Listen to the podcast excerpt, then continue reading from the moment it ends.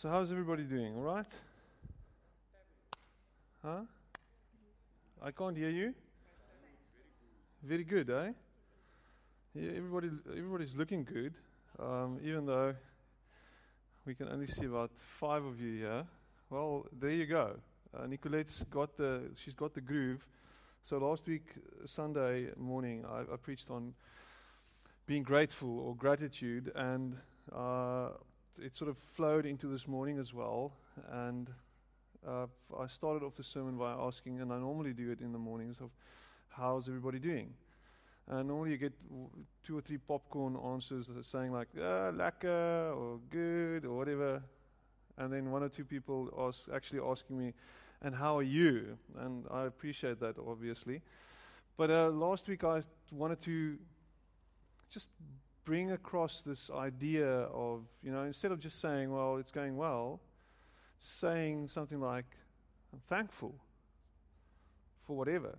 Just taking in that posture of, of being grateful for whatever you have. And, and maybe you don't have much. I don't know much. I know I love you. So you don't have much, but at least you're grateful for what you have. And um, so that's why she said, dankbaar. So after speaking for five minutes, that's the point I wanted to make. So, how's everybody doing? Thankful, dankbaar. I'm grateful, and I'll get to the whole story now. Heavenly Father, thank you, Lord, that we are your children, that we are called your children, your sons and your daughters, and that we that we are safe in your arms, that we are not far away from you, but that you are with us every step of the way. You embrace us with love and you protect us. You give us and you show us mercy and grace every single day. And Lord, even though we don't have everything in this world or everything this life has got to offer, we have one thing, and that is your love. We have your love. You've loved us first, you've loved us from the start. And you invite us into a new way of living. And thank you for that, Lord. Thank you that you give us hope. Thank you that we know that you are in control, even though things look grim, even though things are out of control. You are the God who has the whole world in his hands. And I thank you for that. Thank you for moments like these where we just sit in your presence and know that you are here with us. Speak to us, Lord, and challenge us once again and draw us closer to you. And use us when we go out here, when we leave here tonight. And I pray this in Jesus' name. Amen. So, um, there's nothing more irritating than a speaker that sips on water every now and then, so forgive me for that. Um, I didn't have a good night last night, I didn't sleep well, um, and there are certain reasons for it, which I actually am still struggling to understand. And what was interesting is that, you know, even though I'm a pastor, in the darkness, you often tend to lose sight of, of God. In the darkness, you often lose sight of the fact that you are not alone. In the darkness, you often struggle to come up for, for air. You sort of feel totally engulfed and embraced by this, this sense of just being very, very lost. And that's how I felt this morning. And it was, it was weird. It was weird, man. Um, just felt so alone, even though my wife was laying next to me and, you know, the cats were on top of us and there was another, there was some of our friends, one of, uh, some of our friends left their dog with us, little tiger. What an irritating thing. And he was barking the whole night and just being really irritating, as only a Yorkie can be. And, you know, so four o'clock this morning, when I eventually fell asleep, and I woke up about 6:30, I was just so thankful, grateful for a new start, for a new morning, for sunlight breaking through, for eventually getting out of the night, just escaping the darkness. And once again, I'm still coming to grips with it. And maybe you felt this way before, maybe, and maybe not in a physical sense, the way I did. But maybe there's a, there's this, there's just this feeling of maybe hopelessness. Just this feeling of, you know, being consumed and overwhelmed. Or maybe not at all. But what I've felt and what I'm sort of still figuring out or what I'm being reminded about is that that light always breaks through. Light always penetrates the darkness.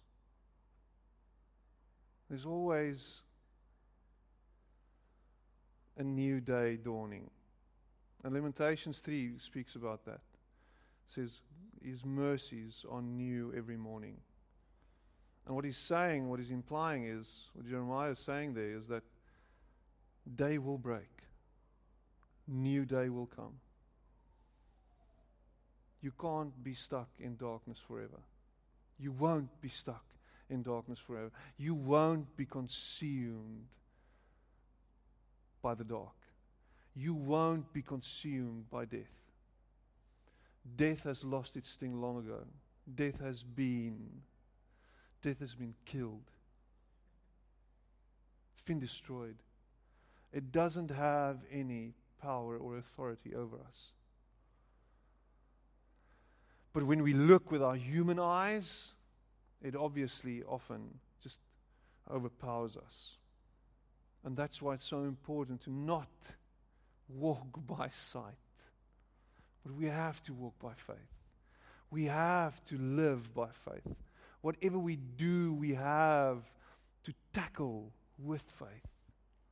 Wherever we are, in whatever position we are, we always have to go back to believing that God is who He says He is, that He is a good God, that He is a good Father, that we are His children, that I am His son, that you are His daughter, and that you will survive. You have to go there.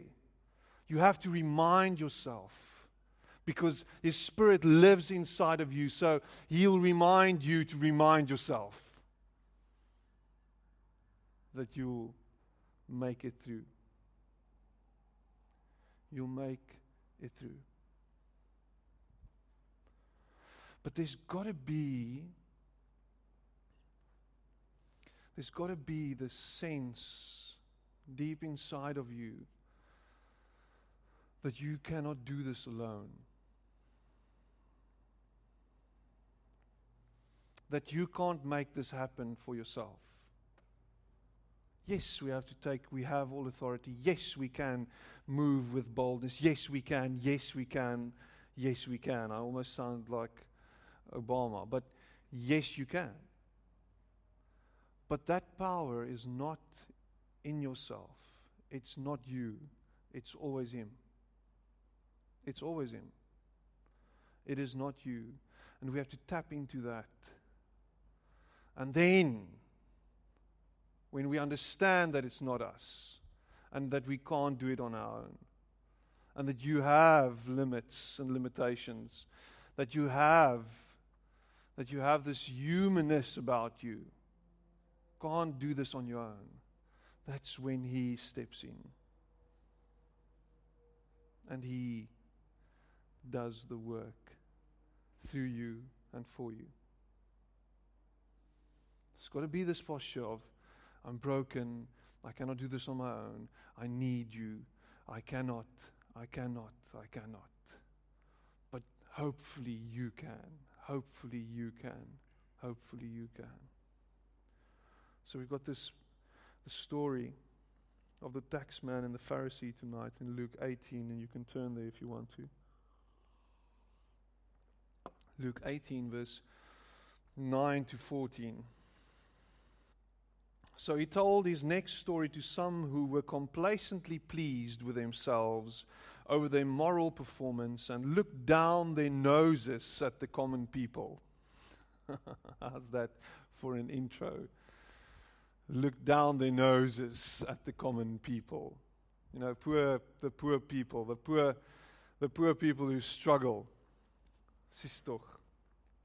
So two men went up to the temple to pray, and one a Pharisee and the other a taxman. And the Pharisee posed and prayed like this So, God, I thank you that I am not like other people robbers and crooks, adulterers, or heaven forbid, like this taxman. I fast twice a week and tithe on all my income. So, meanwhile, the taxman slumped in the shadows, his face in his hands, not daring to look up, said, God, give mercy, forgive me, a sinner. And Jesus commented, This taxman, not the other, went home made right with God. If you walk around with your nose in the air, you're going to end up flat on your face. But if you're content to be simply yourself, you will become more than yourself. If you are content to be simply yourself, you will become more than yourself. What a profound thing that Luke is saying here. In the paraphrase by Eugene Peterson. I'm going to read it again. If you're content to be simply yourself, you will become more than yourself. so, so, what's up with this passage? And what is Jesus sort of alluring to here? Alluding to? What is he saying? It's rather alluding than alluring to. He's, he's speaking about our position as people before a holy God. And, and, and I think that's something that, that we should remember. If you've been in the church circles, if you've been, you know, reconciled with God, and if, you, if you've d- gone through all the motions your whole life, then you can easily come to a point in your life where, you know, I've grown so much these past few years that I'm sort of a, at a place now where, you know, I'm, I'm not detracted or I, I'm not distracted by, by sin anymore. You know, I look beyond and I look past, you know, um, things that sort of catch my eye. I'm not attracted to anything or anyone. I am totally sold out to God and I do my thing and I'm I'm pretty much fine. And you can sort of gather this and have this air about you that you've sort of arrived now. You know, I'm not the person I used to be. I'm doing all these things. I've, I've, I've, I've built in a whole lot of mechanisms in my life that sort of points me in the right direction. So I can cope with all the things that happens in this life. I've got it figured out. I know how to get to heaven. And I'm on my way there and I'm doing my thing diligently. I'm reading, I'm studying, I'm growing, I'm singing, I'm serving, I'm giving. I'm, I'm, I'm almost the complete package.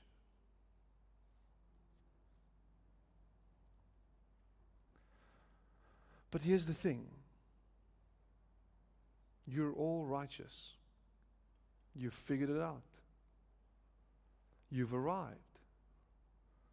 And one of the biggest problems is the moment you become so self righteous, you start looking at other people and saying things like, shame.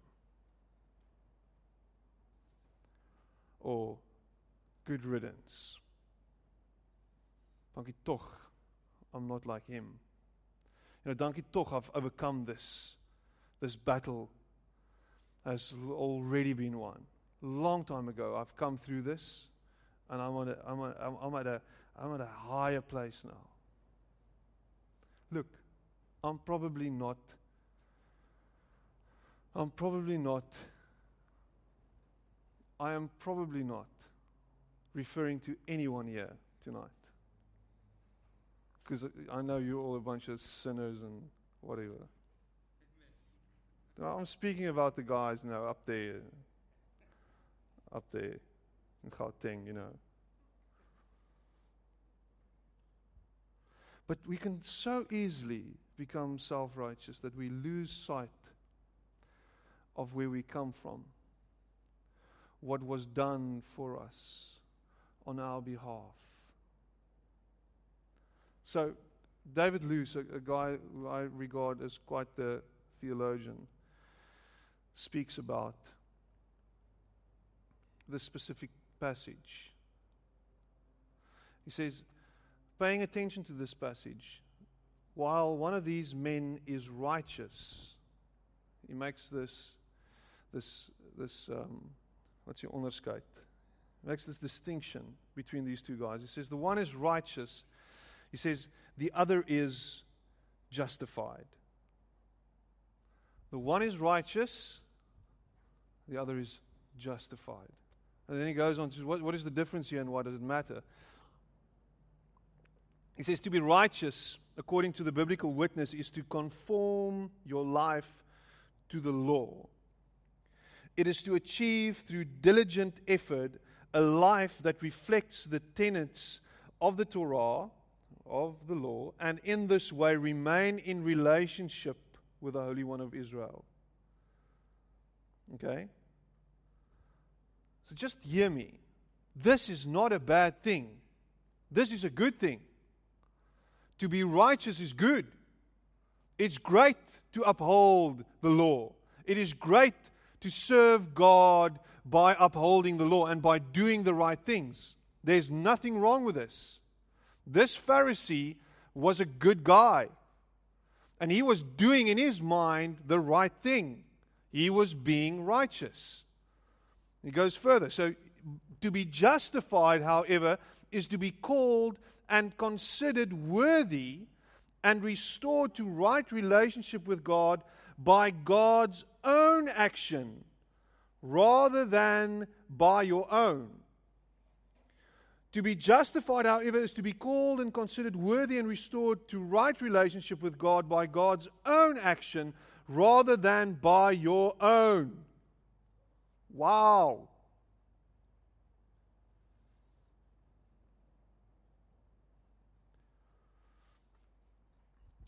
so, it's a good thing to be righteous. It's a good thing. So, the problems, is, the problems are, and there are two problems with this, is that we can so become so self righteous that we forget, and I've already said this, forget the work that was done for us. We forget how we got here by grace and by grace alone. We forget about the effort that was put on put in on our behalf. We forget that and we sort of become these machines that walk around and think, you know, I'm doing this right. I'm doing I'm patting myself on the shoulder. I'm doing this right. At least I'm going forward. I am okay. And then the second problem with this is, with being righteous, is, is that, that we can often look at other people and say, shame, poor guy. And we lose sight of our own brokenness shame. And we look down on others that are broken and that are sort of distraught and that don't have hope and have, who've lost all hope. We look down on them and say, wow, you know, hmm. The problem is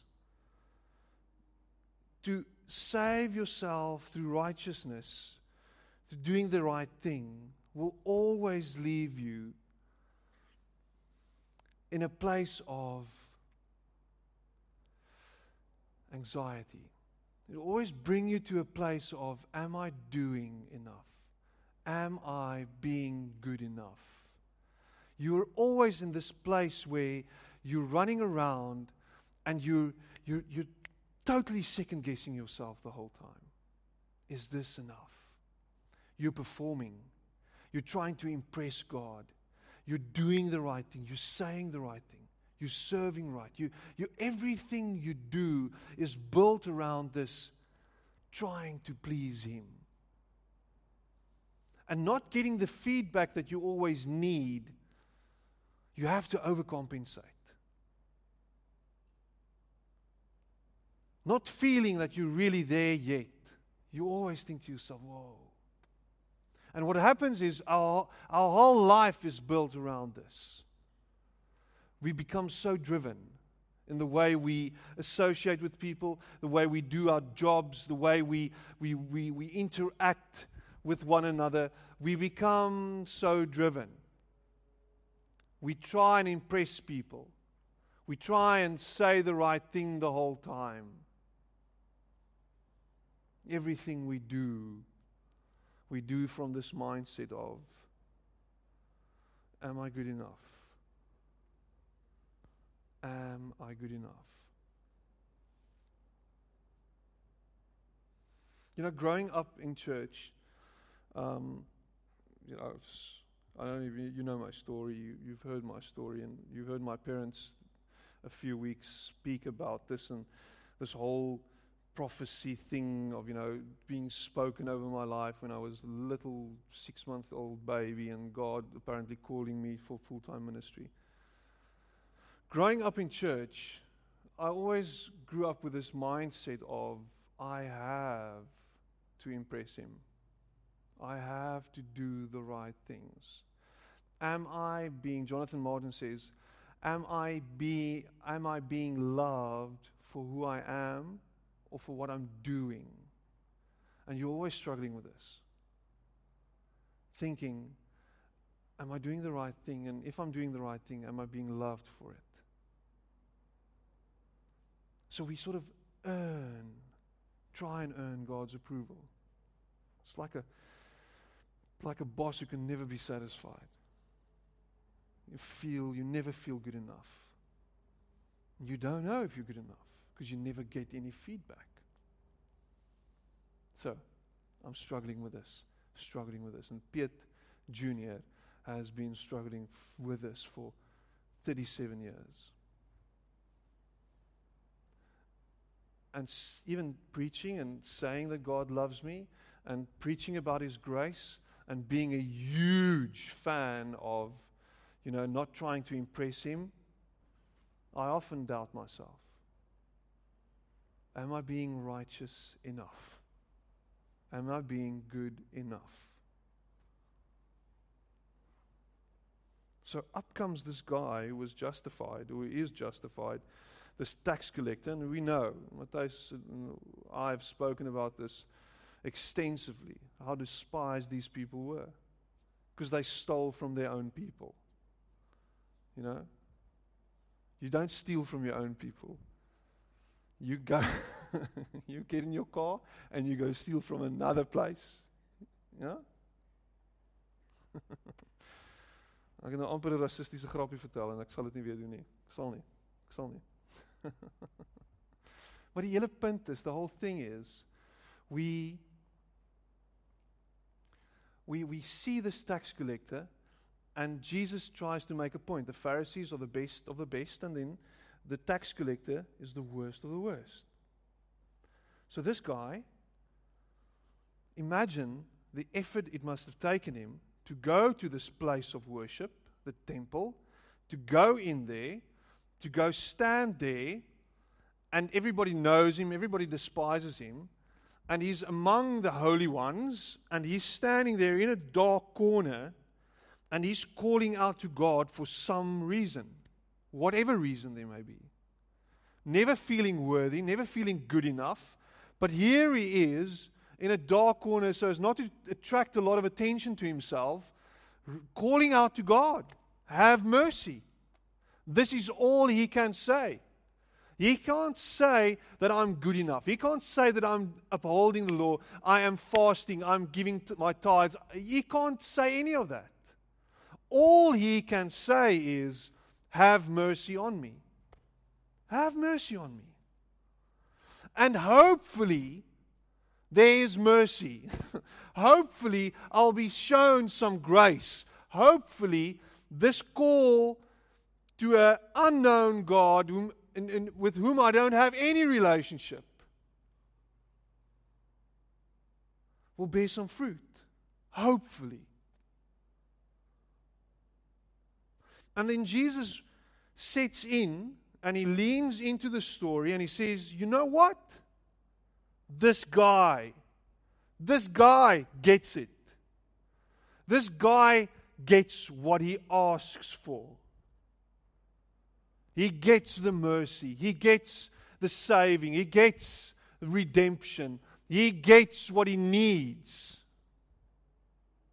But it's often the people who feel that they don't need grace, they work it out by themselves, They aren't gracious. They don't give grace, they don't show mercy. They are not warm and inviting people. But when you understand grace and when you yourself have received grace, you become a warm and inviting person. This is what we are supposed to be. People who understand that we have received grace, that we understand that we have been made new by a God who loved us first. We need to share that. We can never be and never get to a place where we stand and say, you know what? I am so thankful that I'm not there anymore. I am so grateful that I'm not the person I was 10 years ago. But Peter, uh, I must be grateful. I was a drunk. I was an addict. I was a womanizer. I was a whatever. Yes, you were. But you know what? When you were that, you were acutely aware of the fact that you needed God's grace and mercy ASAP. Never forget, never forget where you were, where you come from. Never forget that you are still a sinner saved by grace. Never forget that you need His mercy every single morning. You need His grace every single day. Never forget that. And that means that you will have to share this for the rest of your life. Never look at another guy and say, Oh, poor him. I'm so glad I'm not stuck there anymore. Always go to that guy and say, You know what? I feel you. I hear you. I know where you are. And you know what? You're going to be okay because God loves you just the way you are. That is a fact. Just the way you are. And what happens next is receiving that grace moves you to a new place, a place where you understand what love is. You understand how far you were lost. You understand that. And now He can do something with you. You're pliable in His hands. He can work with you. And you can become an inspiration to other people. He wants to use you in that brokenness, with your brokenness, with the thorn in your side. He wants to be made known through that. The church is full of Pharisees. Don't be one of them.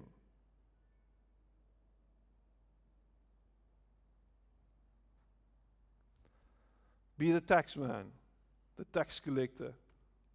Be the guy who knows that you're not good enough, who knows that you need him every single day who knows that darkness will come and try to destroy you every single day, and that you need His grace to make it through the day, every single day. You know what? We made righteous by the blood of Jesus. By the grace, by the blood, we are made new. We are made whole. But it's not because of you. It's because of Him. Don't reject His grace and try to figure it out on your own. Don't be that guy who wants to do all the good in the world and forgets that He did it for you. Don't be so strong that you push people away because you think you have all the answers. Acknowledge that you need His grace just as much as the next guy on the street corner. And if you take up that posture, posture of, I need His grace, He can do something for you. Something's going to happen. You'll be overwhelmed by His love.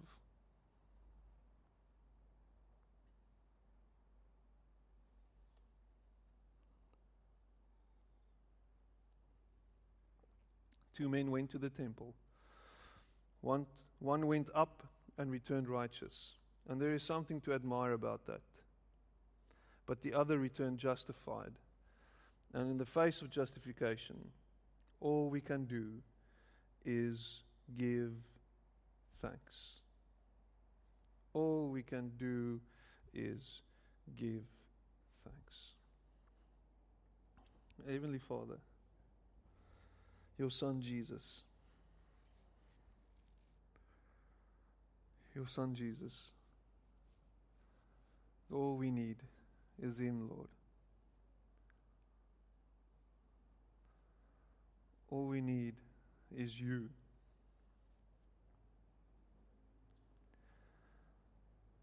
Had it not been for you, Lord Jesus,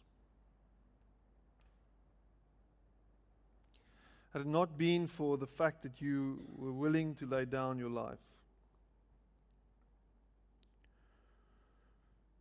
I'd still be struggling with this idea that I had to impress you every single day.